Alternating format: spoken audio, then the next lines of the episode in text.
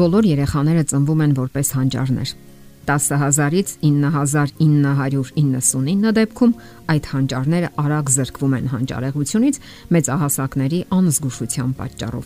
Այս միտքը պատկանում է Բաքմինստեր Ֆուլլերին ում հայտնի չէ, որ երեխաները սիրում են ազատություն։ Նրանք, ինչպես ասում են, ատամներով են պաշտպանում իրենց ազատությունը։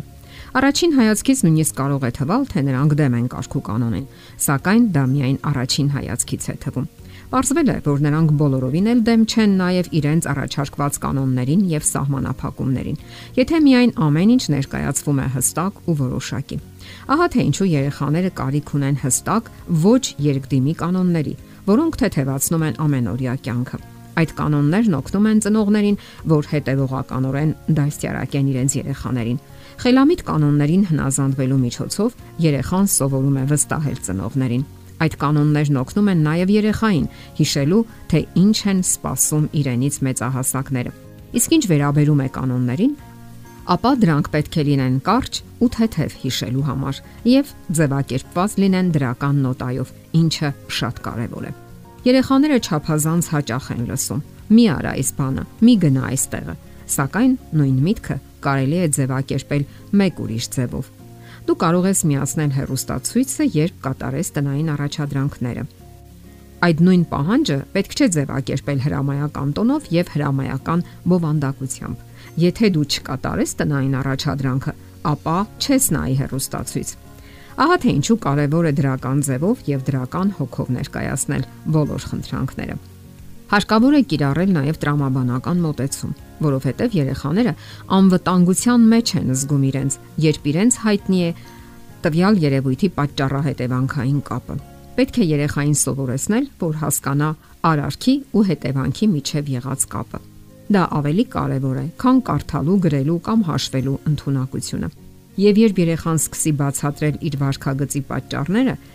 դուք կարող եք աշխատել նրա վարքի ընդհանուր կանոնների վրա։ Այսպիսի մոտեցումը երեխային օգնում է, որ հասկանա իր արարքների եւ դրանց հետևանքների միջև եղած կարևոր կապերը։ Երբ դուք սահմանում եք կանոնները, հստակ ցույց եք տալիս, թե ինչ եք ցանկանում երեխայից եւ ինչ է բերում իր հետ անհնազանդությունը։ Ասենք այսպես. Դու պետք է հավաքես քո սենյակը եւ նոր միայն գնաս խաղալու։ Քո սենյակը պետք է մաքուր լինի։ Դա նշանակում է, որ դու պետք է հավաքես բոլոր խաղալիքները, մաքրես փոշին, Եթե ամեն ինչ ասվում է մանրամասն, ապա երեխան այլևս արթարանալու տեղ չունի, եթե կատարի այդ աշխատանքի կեսը։ Պարզապես կանոնները պետք է համապատասխան լինեն երեխայի տարիքին, ընտունակություններին եւ կյանքի պայմաններին։ Հակառակ դեպքում կլինեն թյուրիմացություններ։ Հարկավոր է ձգտել նվազագույնի հասցնել կանոնները, նաև པարզության։ Երեխային հարկավոր է հնարավորություն տալ, որ սովորի ապրել կանոններով, Թույլ տվեք, որ ինքնուրույն վճռի շատ հիմնախնդիրներ, նաև պահանջեք, որ հստակ կատարի այն կանոնները, որ հաստատել եք տանը։ Ասենք օրինակ, Վազգենը հեծանիվը թողել է ճանապարհին, անտեսելով մոր խնդրանքը, որ մինչև հայրիկի գալը հեծանիվը բերի ներս եւ տեղավորի։ Մոր համբերությունը սպառվում է։ Նա տղային քարշ է տալիս հեծանիվի մոտ։ Մի ձեռքով բռնելով հեծանիվը, նա մյուսով քաշքշում է երեխային եւ բարկացած ասում. Ես քանի անգամ ասացի, որ դու պետք է տեղավորես հեծանիվը եւ պետք է դա անես հենց հիմա։ Այս իրավիճակում ավելի լավ կլինի, որ մայրը վերցնի հեծանիվը եւ պահի այն տղայի աչքից հեռու, որpիսի նա չկարողանա գտնել այն։ Իսկ երբ տղան նորից ցանկանա խաղալ եւ չգտնի, մայրը կարող է ասել. «Տղաս, դու այսօր չես խաղա հեծանիվով։ Դու չցանկացար այն իր տեղը դնել։ Դրա համար ես այսօր այն քեզ չեմ տա»։ Իսկ վաղը կարող ես նորից խնդրել Այս վերջին արտահայտությունն արդեն հույս է թողնում, որ նա երբևէ հետ կստանա հեծանիվը։ Կա դասյարակության եւս մի մեթոդ, կա դասյարակության եւս մի մեթոդ, երբ դուք մի կողմ եք քաշվում երեխայից, երբ նա անկարգություն է անում։ Երեխայի բարկության պահերին տարաձայնությունների ժամանակ կարող են լինել հուզական բռնկումներ։ Եթե դուք նրանից հեռանաք, նա կամակորություն չի անի, կամ էլ շատ քիչ կանի Դուք կարող եք գնալ մյուս սենյակը եւ սկսել գիրք կարդալ կամ բարձրաձայն երաժշտություն լսել։ Այստեղ բարերի կարիք չկա։ Հեռանալով դուք հասկացնում եք, որ չեք ցանկանում լսել նրա աղմուկն ու ճիչերը։ Միայնակ մնալով նա կհասկանա, որ եթե ինքը խախտում է թույլատրելիի սահմանը, ապա ծնողը հեռանում է իրենից։ Նման դեպքերում երեխան հաճախ է ուղղում իր վարքագիծը եւ հասկացնում, որ պատրաստ է դարձյալ համագործակցել ծնողների հետ։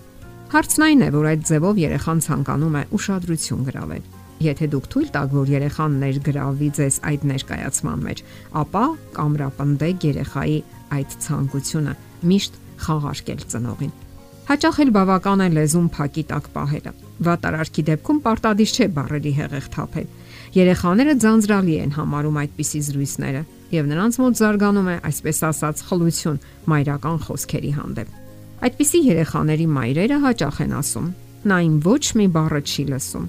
Եվ չնայած դրան, մայրը կրկնապատկված էներգիայով շարունակում է բառային հեղեղ թափել եւ տասնյակ նախազգուշացումներ ու սպառնալիքներ ուղարկել։ Հետևությունները միանշանակ են։ Երեխաները ոչ միայն ազատություն են սիրում, այլև կարգապահություն։ Նրանք աստիճանաբար հասկանում են կարգապահության կարևորությունը։ Այն ինչը անգամ շատ մեծահասակներ այդպես էլ ճիշտ չեն պատկերացնում։ Կարևորենք կարգապահության դերը։ Եթերում ընտանիք հաղորդաշարներ։ Ձեզ հետ է Գեղեցիկ Մարտիրոսյանը։